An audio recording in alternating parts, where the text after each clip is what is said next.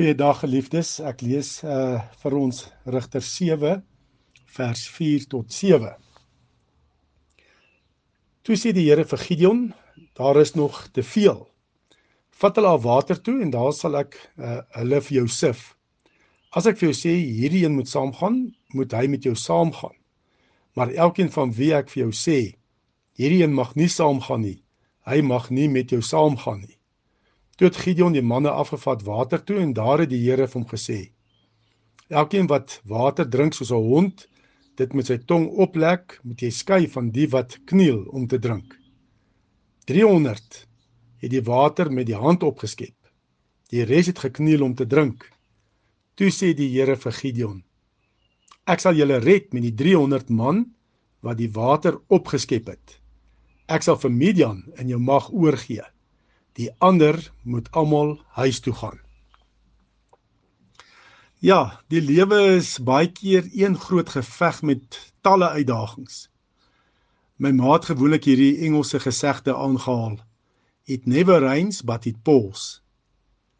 En jy ervaar dalk uitdagings en stryd in jou huwelik, dalk in jou verhouding met jou kinders, by jou werk, en in jou finansies. En vandag staar jy dalk vandag 'n groot stryd in die gesig met talle uitdagings. En hoe berei jy voor vir die stryd en geveg met God se plan en nie jou eie plan nie? Dit is die vraagstuk. Om ook die uitdagings van die lewe aan te pak met God se plan en nie jou plan nie. Gideon is geroep om te veg teen die Midianiete en God sê sy weermag is te groot. God wou seker maak dat almal sal weet dat dit hy is wat voor Gideon en die Israeliete uittrek en die Midianiete in hulle hande oorgee. Wat was God besig om te doen in hierdie skrifgedeelte wat ons nou gelees het? Hy was besig om sy leier Gideon te stroop van alle vertroue in homself.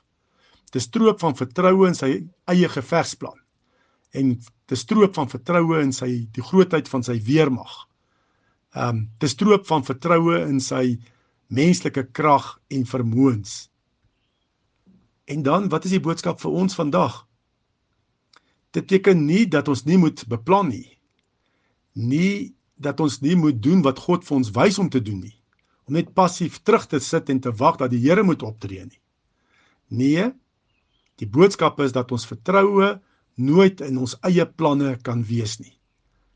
Nie in ons eie kragte en vermoëns nie.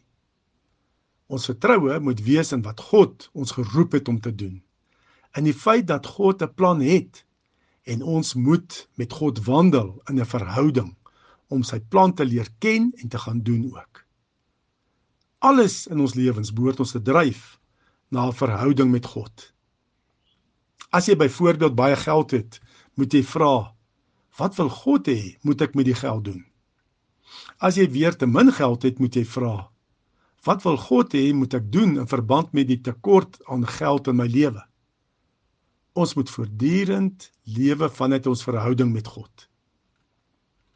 Is jy bewus van die leerskare engele wat in jou belang veg? Gideon moes tot die besef kom hy is nie geroep om 'n natuurlike mens te wees nie. Hy is geroep om in die bonatuurlike op te tree. God wil bonatuurlike dinge in en deur Gideon doen. En God wil ook bonatuurlike dinge in jou lewe doen vandag as sy kind. God wil bonatuurlike dinge doen in jou besigheid, in jou werk, in jou familie. En soms verwyder God hulpbronne in jou lewe. Dinge waarin jy jou vertroue stel sodat jy in God alleen ver, kan vertrou. Gideon het die belofte gehad in ehm um, Rigter 7 vers 7. Ek sal julle red met die 300 man wat die water opgeskep het. Ek sal vir Midian in jou mag oorgee. Die ander moet almal huis toe gaan. Gideon het geleer om te vertrou in God se woord en God se plan en wat God vir hom gesê het.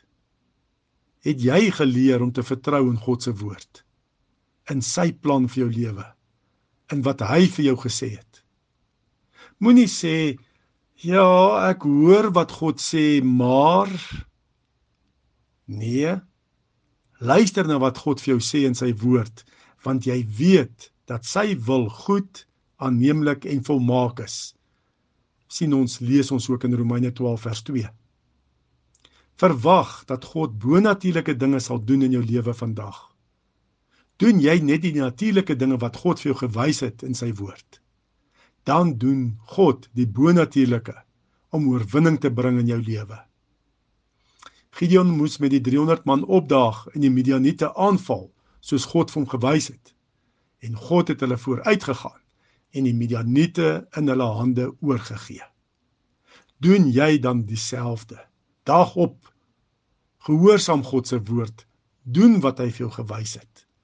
En dit is baie keer net die natuurlike wat hier in die natuurlike optree soos dat God sê in sy woord. En dan gaan die, die Here voor jou uit en hy bring vir jou die oorwinning. Kom ons bid saam. Here, wys vir ons u plan in ons besigheid, in ons families en in ons werk. En laat ons u stem hoor en gehoorsaam wees sodat u ons kan vooruitgaan. U bonatuurlike oorwinning kan bring in ons lewens. Laat ons die hulpbronne wat u vir ons gegee het aanwend soos u wil en dan wandel in die bonatuurlike. Ons bid dit in Jesus se naam. Amen.